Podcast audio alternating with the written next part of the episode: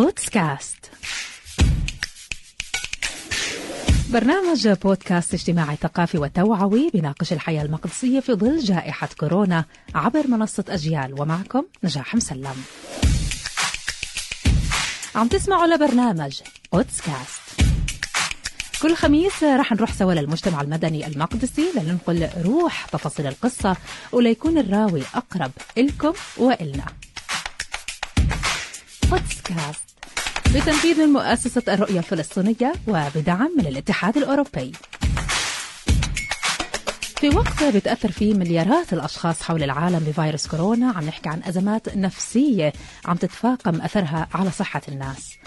زادت إلى حد ما العزلة الاجتماعية بأشكال متفاوتة طبعا من منطقة للثانية.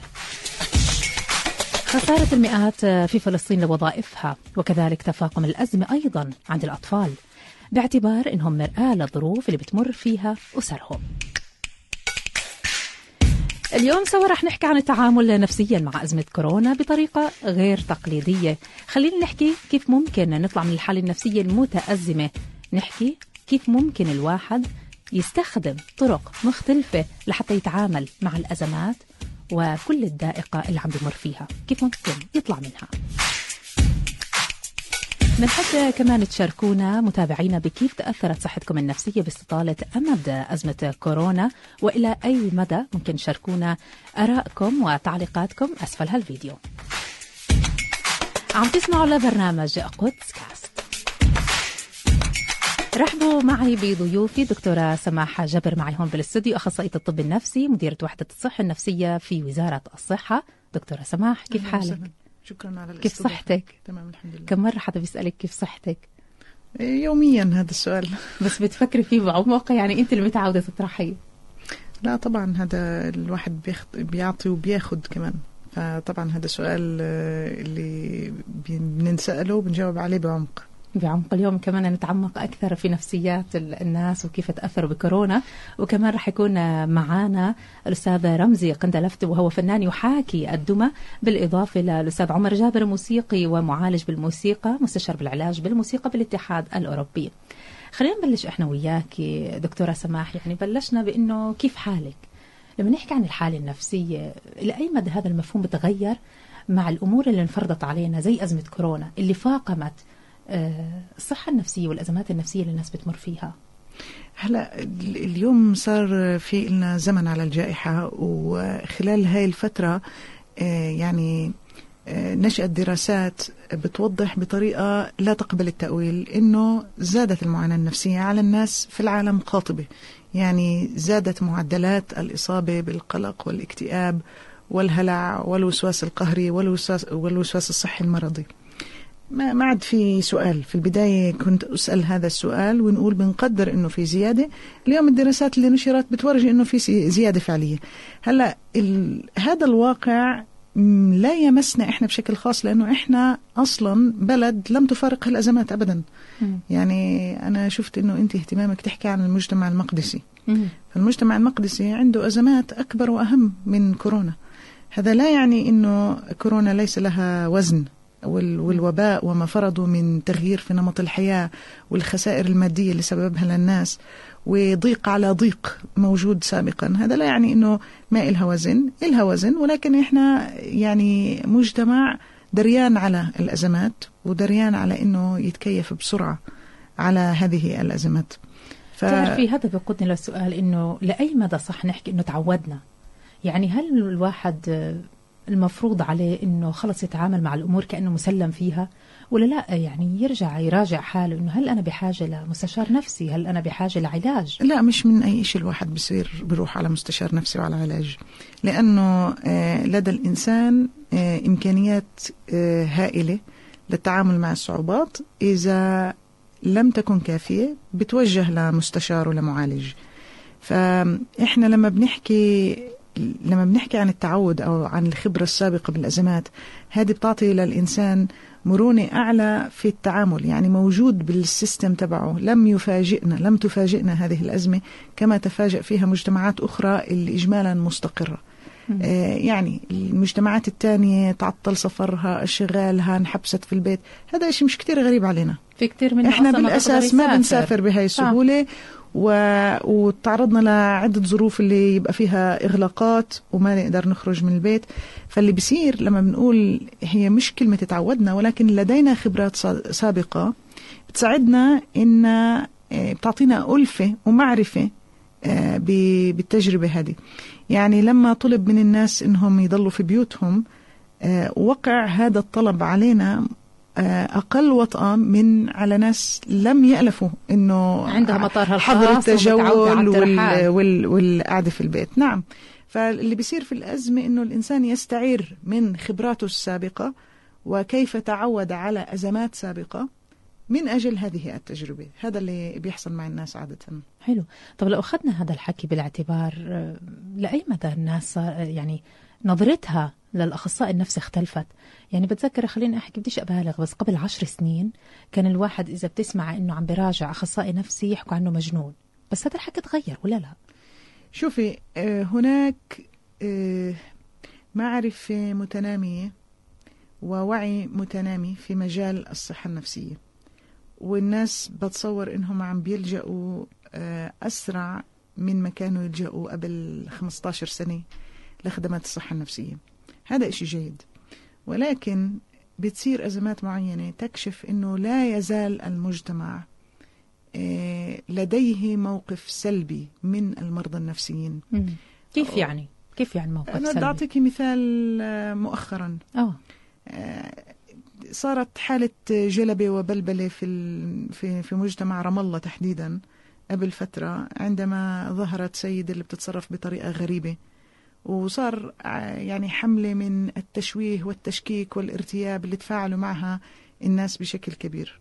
المرأة الشر الشقراء آه التي آه تجوب شوارع آه. رام الله. وعندما أعلنت الشرطة الفلسطينية أنه هاي السيدة مريضة نفسيا وبتتصرف تصرفاتها نابعة عن اضطراب نفسي آه، أنا تابعت باهتمام شو بينحكى على ال social media بخصوصها.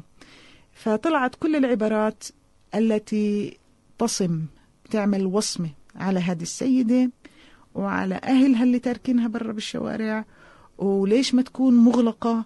وليش قاعدة بتضايق الناس؟ وهذه قد تكون خطيرة على الناس. هذا الكلام كلياته جاي من الانطباع اللي بالقرون الوسطى عن المرضى النفسيين. أوه. في القرون الوسطى كانوا المرضى النفسيين إما يحرقوا وينحكى عنهم انه هم مؤذيين إنه كأنهم خارجين عن السيطرة. روح شريرة. آه. فبيحرقوهم عشان الروح الشريرة آه. اللي فيهم. هذا كنا نشوف بالأفلام و... وإما بينحطوا بسفينة بلا قبطان بحيث إنها السفينة تروح بلا رجعة. بس اليوم هدول إحنا الواحد بنظر لهم كمجتمع زي ما أنت حكيتي للي بيتابع التعليقات وكأنه خارجين عن السيطرة. أكثر يمكن كلمة كانت شائعة ضبوها. آه بالمفهوم العامي. و... يعني هيك كانت الكلمة كثير دارجة في في التعليقات اللي الواحد بتابعها وهذا مش مقبول لأنه كمان الإنسان اللي بيعاني من حالة نفسية هو إنسان بحاجة إنه يخرج يروح ويجي بحاجة لمساعدة بحاجة صحيح بحاجة, بحاجة لمساعدة. بحاجة لإجراءات علاجية. ولكن التهجم اللي انحكى فيه وغياب التعاطف وغياب الاحتواء كان لافت للانتباه. وكان في عبارات أنا ما بعرف كيف تمرق بالمجتمع الفلسطيني بدون حساب. كان في أنا شفت بوست اللي بيقول آه آه هذا الشاب المتحول آه صح. اللي بيشوفه يدهس بلا تردد. أوف. شو هال شو هال الحس الإجرامي هذا. على العنف اللي اللي عم بتصير. فهون يعني الحقيقة هذه خلينا نقول آه, حدث آه مؤخرا اللي بيورجي إنه لا يزال المجتمع ما عنده ما يكفي من السعة والتسامح والمقدرة على احتواء من هو مختلف ومن يتصرف بطريقة غريبة الأطوار. آه فالوعي آه هي حاجة آه مستمرة ويجب أن ننادي بها ونسعى من أجلها بلا هوادة ولا توقف. كأنه دائما إحنا بطبيعتنا كبشر دائما بنلاقي أرضية مشتركة عشان نقدر نتواصل مع الآخرين. خلينا نوقف على موضوع احتواء من هو مختلف. شو رأيك؟ ونروح آه، لضيفنا آه، معانا على الخط. إذا معانا سيدة رمزي قندلفت وهو فنان يحاكي الدمى. أستاذ رمزي أهلا وسهلا فيك. أهلا وسهلا فيك يسعد صباحك وصباح كل المستمعين والضيوف اللي معاك اليوم. يسعد أوقاتك يا ربي. أنت أدخل هيك بدي اشركك معنا في الحوار وأدخل لك لهي النقطة اللي هو احتواء ما هو من هو مختلف. لما نحكي عن دمى بنحكي كأنك عم بتلاقي أرضية مشتركة بينك وبين الأطفال أو حتى يمكن شريحة مختلفة ممكن تستهدفوها لأنه الدمية خلص هيك شيء مجرد آه، ما إلها جنسية معينة ما إلها خلفية ثقافية معينة أنت بتصنعها بتصنع لها قصتها وبالتالي بتقدر إنك توصل للي قبالك من خلال القصة اللي أنت زرعتها بهالدمية أنت اللي صنعتها. طيب نحكي أستاذ رمزي عن الفكرة بحد ذاتها. آه، كيف بلشت معاكم؟ عم أرجع أنا وياك هيك بالسنين لورا لل 2012 شو رأيك؟ ونحكي كيف انطلقتوا آه يعني هي ذاكرة جميلة جدا.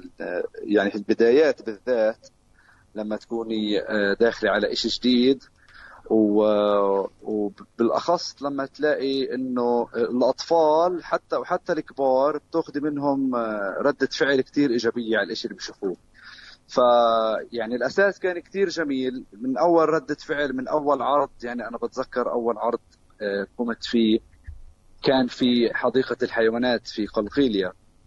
آه، يعني ردات الفعل كانت كثير كثير جميلة من الأطفال يعني والانبهار الموجود على عيونهم كيف إنه في دمية عم تحكي معاهم. ف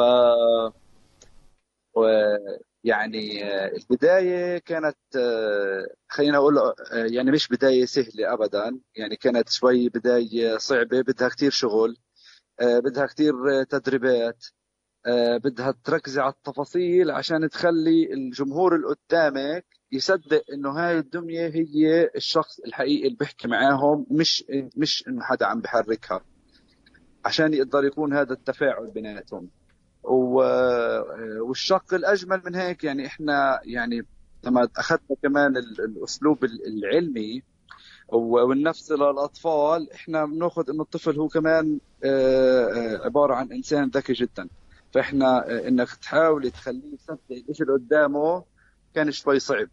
أولها بس بعدين مع تعرف مع الخبرة صار أسهل الموضوع. يعني هاي بحد ذاتها بدها الواحد يوقف عندها إنك تقدر توصل لمخه للولد الصغير. يعني اليوم إحنا بنحكي عن عن عيالنا. لو أنا بدي أحكي مع ابني غير لما بدي أحكي مع بنتي بدي أحكي مع عمر أبو الخمس سنين غير عن الثمان سنين. فكيف صحيح. قدرتوا إنكم توصلوا لمخاخهم؟ خلينا أحكي. آه يعني زي ما حكيت لك ابدا الموضوع مش سهل. وبالضبط زي ما تفضلتي يعني عمر خمسة وثمانية وعشرة و13 كل عمر بيختلف عن الثاني. يعني إحنا إذا بدنا نروح نعمل عرض لأطفال في مثلا في حضانات أو فينا نتفاعل مع أطفال في روضات بتلاقي العمر والطريقة اللي بنحاكي فيها هذا الطفل تختلف عن الطريقة اللي بنحاكي فيها آه طفل عمره 8 أو أو أو طفل عمره 10 أو 11 أو حتى للكبار. ف آه، مهم مهم كان بالنسبة لنا إنه نتعلم أكثر شو الطفل بشوف بالأعمار المختلفة هاي. من من يعني إحنا آخر فترة وجهنا عروضنا من 6 ل 12 وفترة ما قبل آه، فترة يعني خلينا نقول السنة الماضية أخذنا تركيز جديد آه، صار آه، صديقي رائد يشتغل أكثر بالحضانات فبنتعلم هون وبنتعلم هون بس كان بدها مجهود كثير إضافي إنك تدرس النفسية وطريقة ردة الفعل لأنه الأطفال مثلا لما يشوفوا دمية بخافوا ففي منهم بصيروا يبكوا فكيف بدك تخليه يتقبل هاي هاي الدمية؟ لأنه إذا ما تقبلها مش راح يأخذ منها القيمة اللي إحنا بدنا نوصلها. مش راح يرضى يسمع منها. عشان يأخذ القيمة. صح. خليني كمان هون أرجع أشرك الدكتورة سماح. موضوع دراسة ردة الفعل زي ما أنت حكيتي في أول الحوار إنه أخذ وعطى الموضوع. يعني لو نحكي عن دراسة ردة الفعل الناس بترجع بتيجي كمان جلسة تانية وفي ثالثة في متابعة من قبل الناس. يعني هلأ أنت كمختصة بتعطي اللي عندك. بس كمان بده يكون في قبول. من اللي هو بيعتقد إنه بحاجة لمساعدة للمريض نفسيا أو مش عارف إذا ممكن أسميه هيك بحاجة لإنه يكون قادر هو يستوعب إنه الموضوع بده مراحل وبده وقت. فعم بيكون في ردة الفعل المطلوبة؟ طبعا في تفاوت بالتزام الناس بالمسار العلاجي. آه، واحدة من الأشياء اللي بنشرحها للناس عادة اللي بتوجهوا للعلاج والحقيقة العلاج مش فقط للناس اللي بيعانوا من مرض نفسي العلاج بيكون كتير مرات لناس آه، بيعبروا بإشكالية معينة بأزمة آه، أو عندهم خلينا نقول صفات حادة بالشخصية يعملون على تهذيبها على آه، تظبيطها فأشياء كتير بتوجه الناس للعلاج واحدة من الأشياء اللي إحنا بنشرحها من البداية إنه العلاج عبارة عن مسار وليس حدث لمرة واحدة. آه اللي بيجوا بفكروا إنه آه الأشياء النفسية هي زي الحصبة أو زي التهاب بالحلق و... باخذ دواء كورس وبخلصه. نعم هو هذا الحكي غير صحيح. الشيء النفسي هو يعني يكاد يكون صفات طويلة المدى عند الناس وبدها شغل عبارة عن مسار. مسار مشوار علاجي بس هون أنت وأنت عم تحكي؟ تغيير حقيقي. أي شكل من الأزمات النفسية هون عم تقصدي؟ فقدان مم. اغتصاب مم. آه مشاكل عائلية مشاكل في العلاقات بين الزوجين. كثير مرات من هاي هذا النوع من الأزمات الإنسان ما بيبقى عيان فيها ما بيبقى مرضان بس بيبقى عنده حجم هائل من الألم النفسي. الناتج عن المشكلات اللي بيعبر فيها. وجود معالج نفسي بيساعده إنه يمر بهاي الأزمة بي وينجو منها. صح. بي يعني بيساعده إنه يمر بأمان. التجاهل رح ينعكس سلبا عليه. طبعا. ممكن إنه التجاهل يؤدي إلى تفاقم يؤدي إلى خسارات طويلة المدى يؤدي إلى اضطراب نفسي. فكتير مرات إحنا يعني بن بنميز من يعبر في اضطراب ومن يعبر في أزمة نفسية. وكتير مرات في آه الناس اللي عندهم اضطراب كمان عندهم أزمات نفسية والناس اللي عندهم أزمات نفسية ما عالجوها يؤدي بهم إلى اضطراب فيما بعد. ففي كل الأحوال إحنا بن بناخد بإيدهم من خلال مسار علاجي اللي بيخرجوا فيه آه إلى بر الأمان. إذا ما عندك مانع بدي أعلق شوي على اللي سمعناه من الزميل. آه طبعا. اللي بيعملوا عمل حلو كتير لأنه معروف أن الأطفال مقدرتهم التعبيرية اللغوية محدودة. فعشان هيك كتير مرات إحنا بناخد آه، من المعلومات النفسية من الأطفال عن طريق اللعب أو عن طريق الشخصيات اللي بيتماهوا معها صح. بتلاقي الولد لحاله قاعد بيعمل زي كأنه مسرحية. طبعا. في مجال هو يمثل بشخصيات. في مجال كبير للقراءة النفسية للأطفال من خلال الوسيط اللي هو ممكن أن يكون لعب أو رسم أو رمل أو دمى أو و... موسيقى. نعم. رح نحكي عنها من كمان خلال شوي. وسيط وهذا شيء كتير نافع. كل ما كان الإنسان مقدرته التعبيرية اللغوية محدودة أكثر صح. بهالخصوص خليني كمان أرحب بضيفنا الأستاذ عمر جابر وهو موسيقى ومعالج بالموسيقى مستشار بالعلاج بالموسيقى مع الاتحاد الأوروبي. أستاذ عمر أهلا وسهلا فيك يسعد أوقاتك. أهلين أهلين أهلا وسهلا أهلا وسهلا فيكم. يا هلا ومرحبا فيك. أنا اليوم سعيدة بهالتوليفة. يعني هون عم نحكي عن خصاصية النفس وعم نحكي عن أدوات مختلفة ممكن من خلالها زي ما حكت الدكتورة سماح اللي هي نعتبرها وسيط اللي توصل لعقول أطفالنا وتقدر تفهمهم لأنه القدرة التعبيرية عندهم خلينا نحكي بسيطة مقارنة بناس كبار بالعمر. فبدي أحكي عن تجربتك الخاصة بموضوع الموسيقى وكيف فعلا اشتغلت طول العشرين سنة. يعني ما شاء الله خبرة طويلة في هالمجال اللي قدرت توظفها في المجال العلاجي أنا بداية اشتغلت بالعلاج عن طريق الموسيقى اشتغلت في المؤسسات الإسرائيلية أه بديت بمشاكل السمع وانتقلت لمشاكل البصر أه و أه تقريبا يعني اشتغلت مع عدة فئات من ذوي الاحتياجات الخاصة أو اللي ذوي الإعاقات حتى وصلت كمان اشتغلت مع اللي هو الشلل الدماغي. وشفت كثير آه، وكانت برهان لإلي قبل ما تكون لغيري تأثير الموسيقى والتغيير اللي تبحث عند اللي يستخدم آه، له هذا العلاج. آه، لأنه هو يعني هذا العلاج يستخدم لتلبية حاجات بدنية وتفاعلية وعاطفية وإدراكية. وحتى اشتغل كمان لجميع الأفراد يعني أنا بستخدمه كمان للجيل الثالث بستخدمه كمان ل اللي معهم زهايمر أو باركنسون بفيدهم كثير من. من حيث استحضار ذكريات ومحاولة إنه يستعيد ذكرياته أو يستعيد بعض الأشياء اللي كان يتذكرها أو كان يعملها سابقا. والموسيقى بتأثر لأنه الموسيقى بتأثر على جميع مناطق كثيرة من الدماغ. آه، فبتأثر فبالتالي راح تأثر على الحواس آه، السمعية والبصرية واللمسية.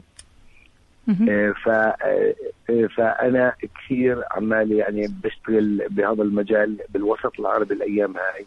وبلاقي إنه كثير ناس آمنت في هذا العلاج. كإيمان مطلق إنه عمل للولد أو عمل للحاله تغيير جذري من ناحية سلوكية أو من ناحية نطق أو من ناحية وظيفية. وهذا ما يعني. طيب آه، خليك مع أستاذ عمر آه، بالحديث عن تلبية الاحتياجات العاطفية. بدي أرجع لك أستاذ رمزي قندلفت آه، أيضا اشتغلت بمجال اللي هو التعليم الاجتماعي العاطفي. بس قبل ما ندخل في تفاصيله بدي أنا وياك نسمع هالفيديو كليب اللي عملتوه باستخدام الدمى. خلينا نسمع تجاوب الأطفال مع موضوع الحاجة للوقاية من كورونا.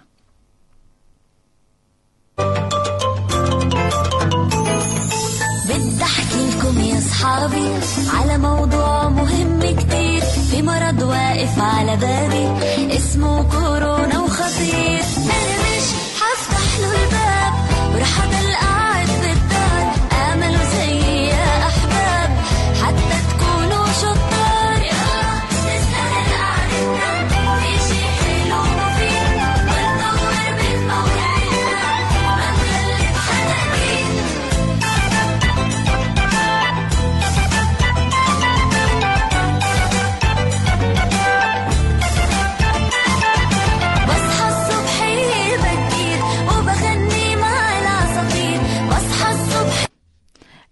شفنا مقطع أستاذ رمزي قندلفت خلينا نحكي من أعمالكم.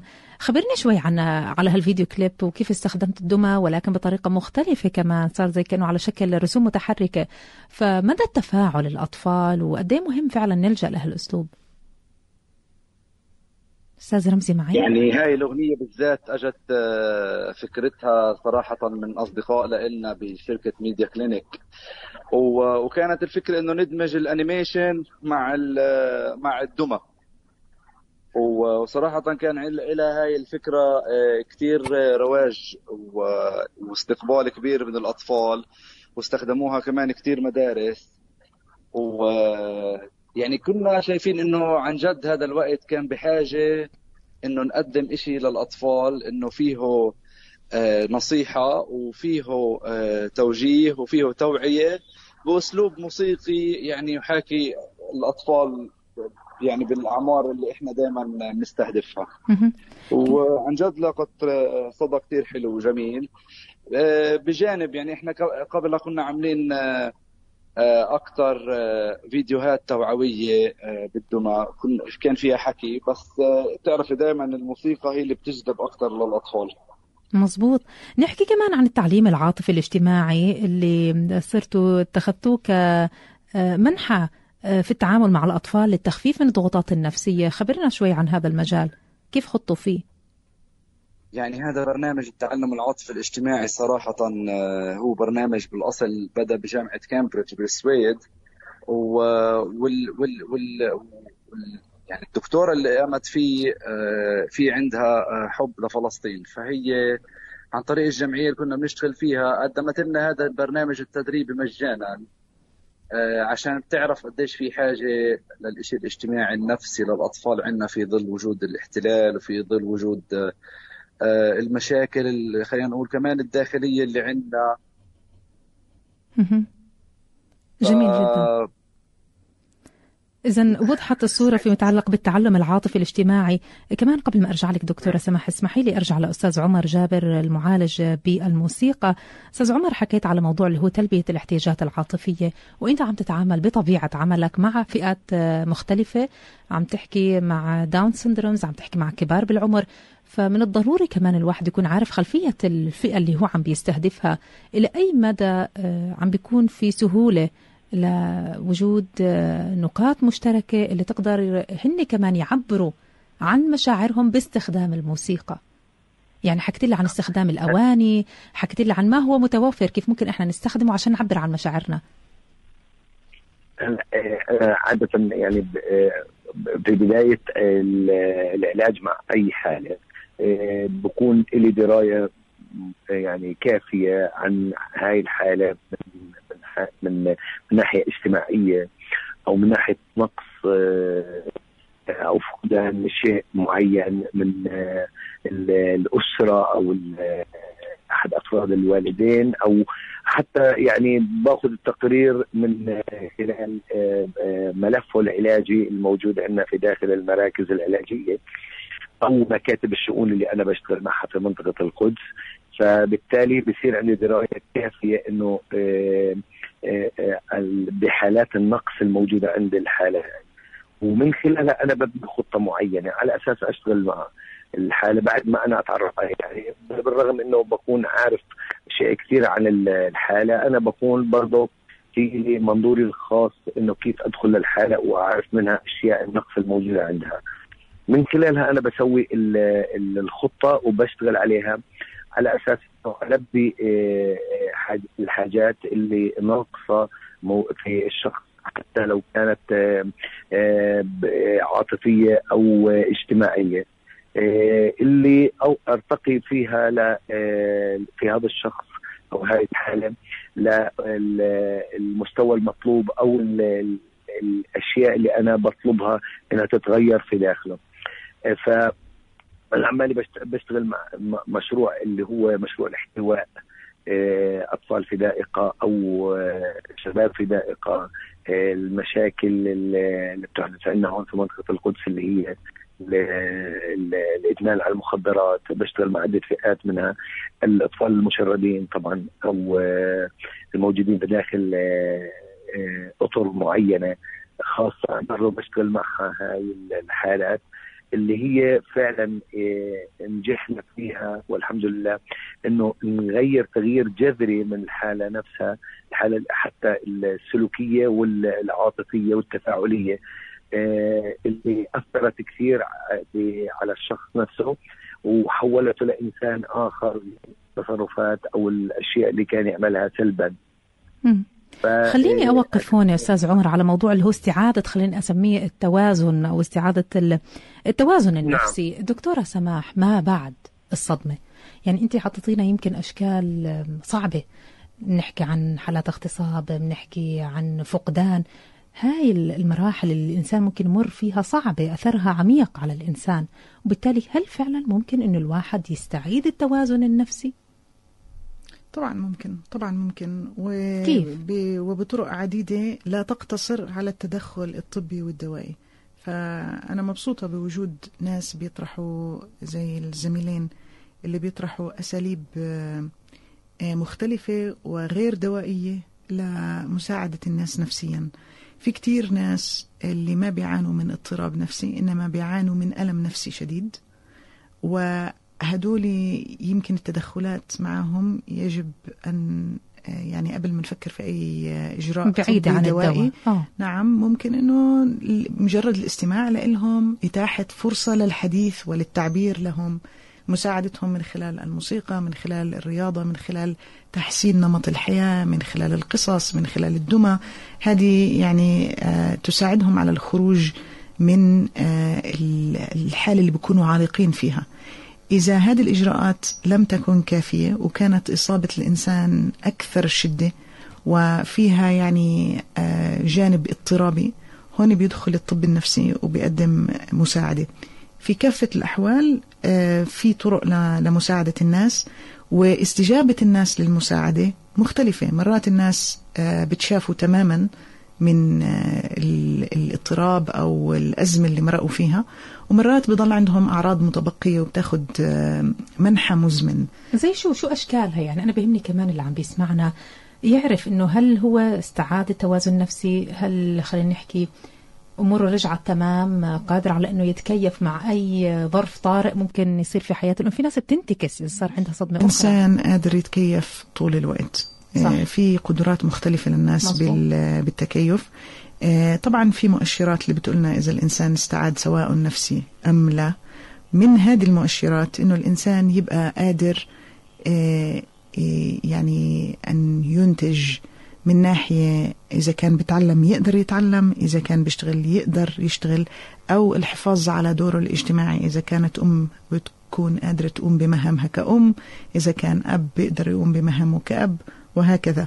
فإحنا يعني عندما يكون لدى الإنسان عطل في الأداء الاجتماعي أو الدور الوظيفي تبعه بنقول إنه عنده عجز سببه نفسي. إذا كان عنده عطل معين. وطبعا كلما طالت مدة هذا العطل كلما كان الأثر أكبر. والحقيقة آه، أسباب العجز الطبي معظمها معظمها يعود إلى أسباب نفسية. يعني الناس اللي دور عنده طبعا صح. طبعا لها لها دور كبير.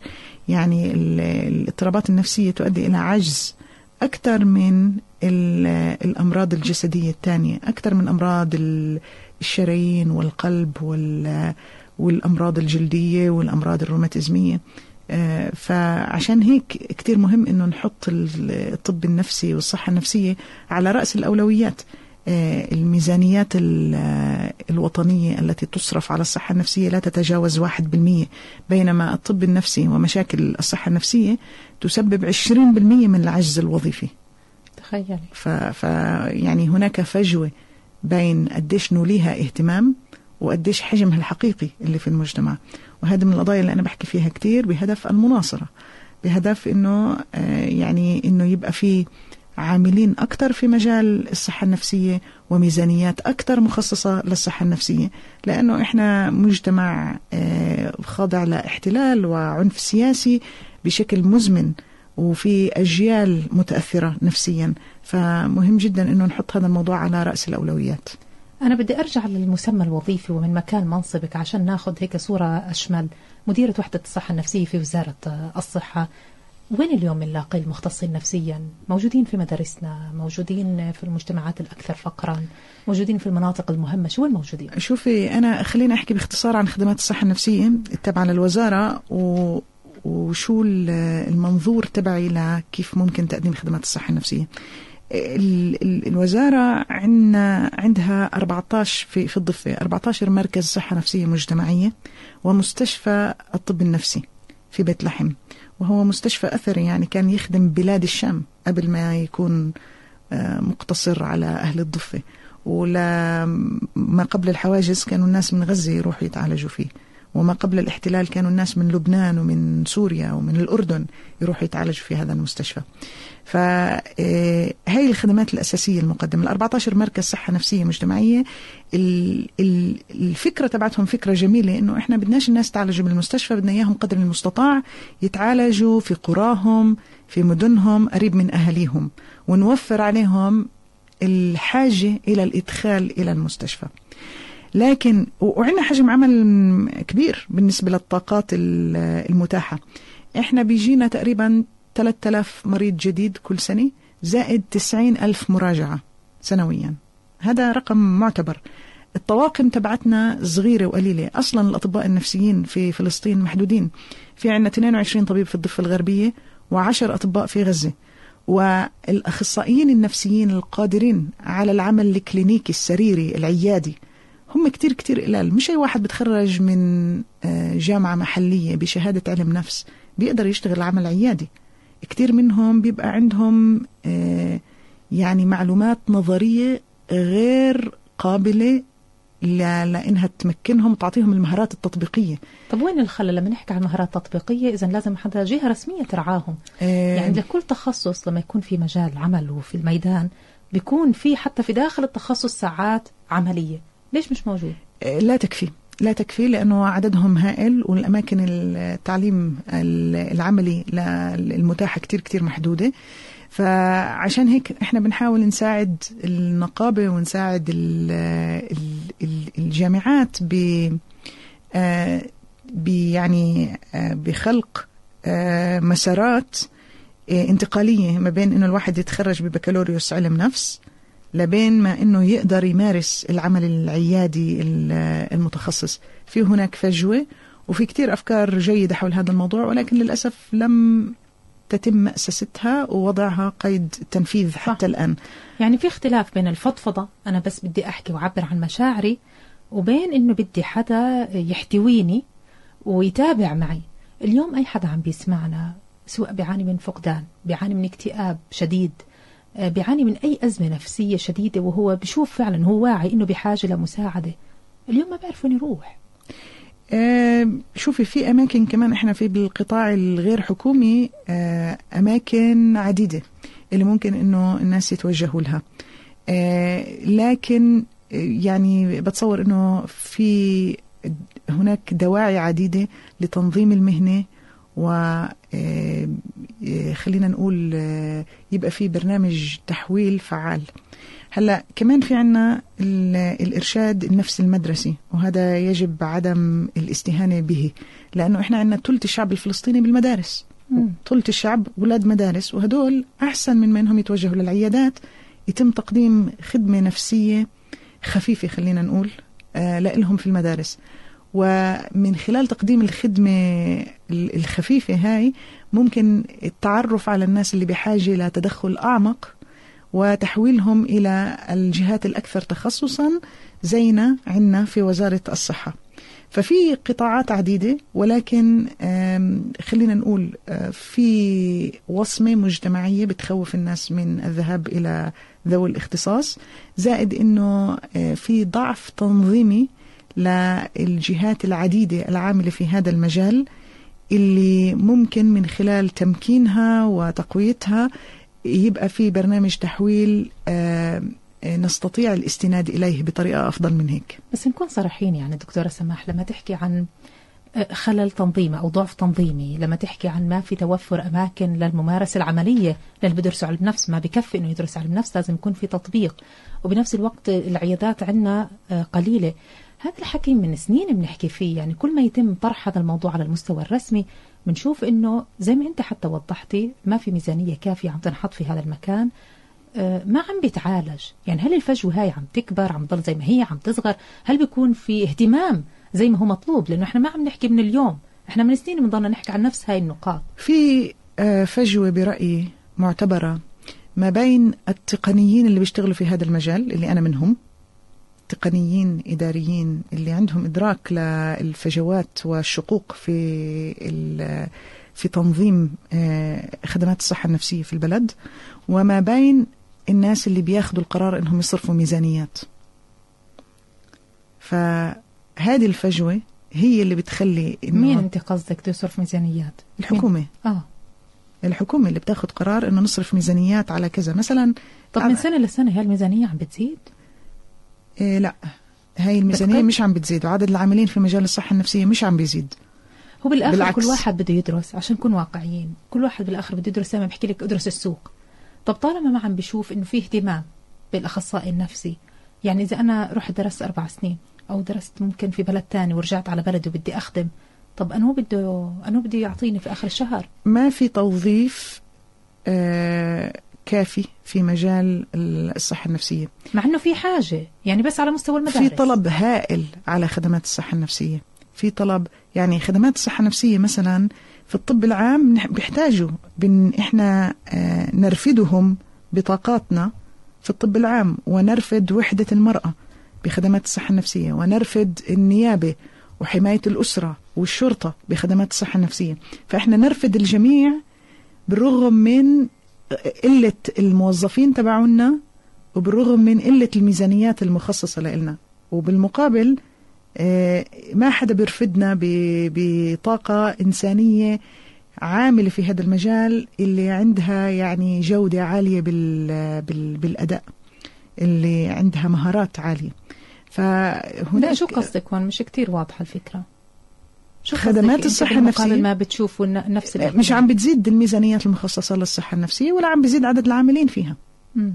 يعني مثل هاي الحالة اللي أنت ذكرتيها الامرأة الشقراء كما كيف سموها آه، هل لجأوا لكم بعد ما تم آه، خلينا نحكي إلقاء القبض عليها هل لجأوا لكم إنه يكون في متابعة نفسية نعم، خاصة نعم. تشخيصها حتى مين شخصها هذا سؤال يعني يمكن لازم نطرحه. مين شخصها إحنا بنشوف واحد بتصرف بشكل غريب. نحكيه مجنون صح؟ لا لا تم تشخيصها صار؟ بطريقة مهنية من قبل وزارة الصحة. وبعدين؟ وتم كتابة التقرير صياغة التقرير اللازم عليها وبناء عليها اتخذت الشرطة الفلسطينية القرار المناسب. هذا مثال على كيف وزارة الصحة آه، يعني تقدم خدماتها لجميع القطاعات. للوزارات الثانية وكمان لل- للمجتمع المحلي. وبنفس الوقت مش عم بتزيد المخصصات اللي آه، تعنى بالصحة النفسية في في الوزارة. وهذا الإشي اللي بنحب إنه نشوفه في المستقبل القريب. إن شاء الله. نبعد عن الميزانيات. يعني في لسه أدوات ممكن إنه نوظفها. آه، ما بدها خلينا نحكي ميز- ميزانيات كبيرة. آه، ناس آه، عم بدرسوا آه، تخصصات مختلفة زي ضيوفنا اليوم لحتى يقدروا يخففوا. خلينا نحكي زي ما انت حكيت يقدموا هاي الخدمة الخفيفة ممكن نسميها اللي ممكن تخفف من الأزمات النفسية. بدي أرجع سريعا لأستاذ آه، رمزي قندلفت. شو بتحب تحكي بنهاية آه، هالحوار؟ آه، فيما يتعلق بمحاكاة الدمى وقد إيه عم تشوف في تفاعل؟ يعني حتى لما دخلنا في كورونا وكان في إغلاقات إن كان في القدس أو كان في في مناطق الضفة كان في تجاوب. آه، كنتوا عم تستمروا في أنشطتكم شو بتحب تحكي بهذا الخصوص؟ أستاذ رمزي؟ أستاذ رمزي عم تسمعني؟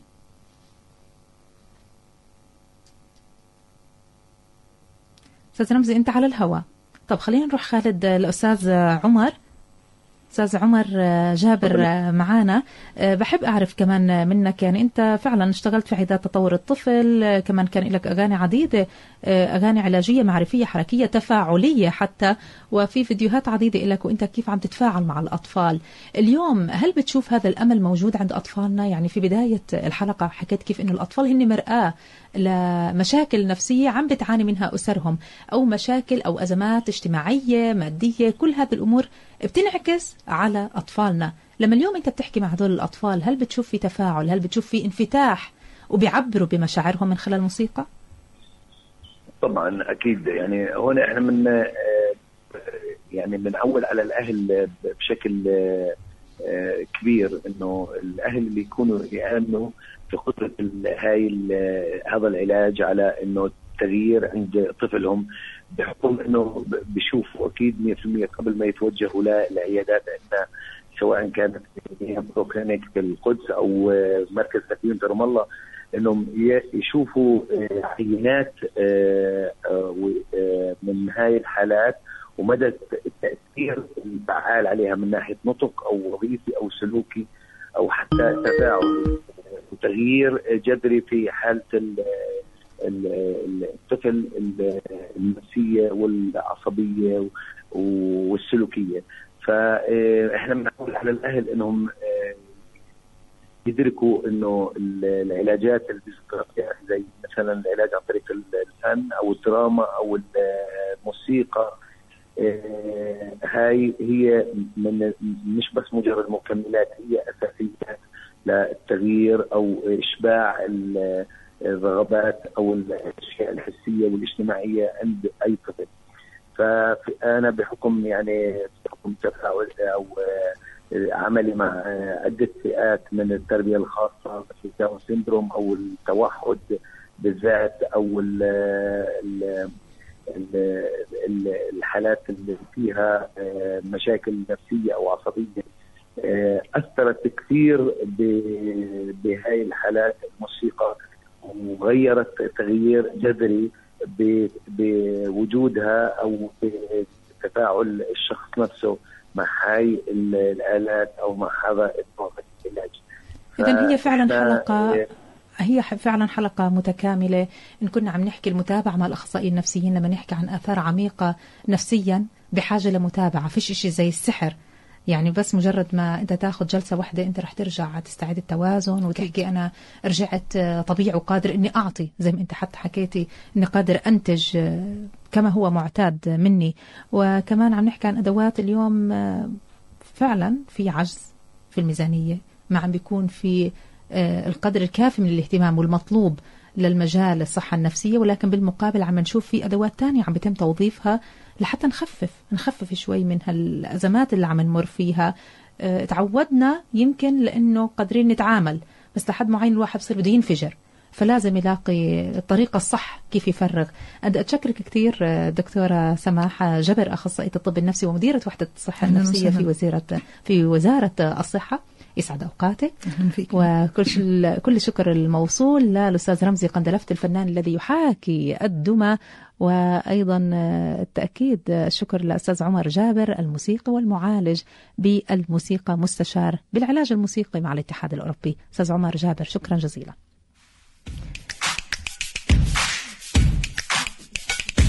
لهون مستمعينا بنكون إحنا وياكم وصلنا لختام قدس كاست.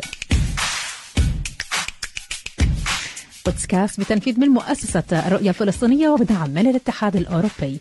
محبتي نجاح مسلم وإلى اللقاء.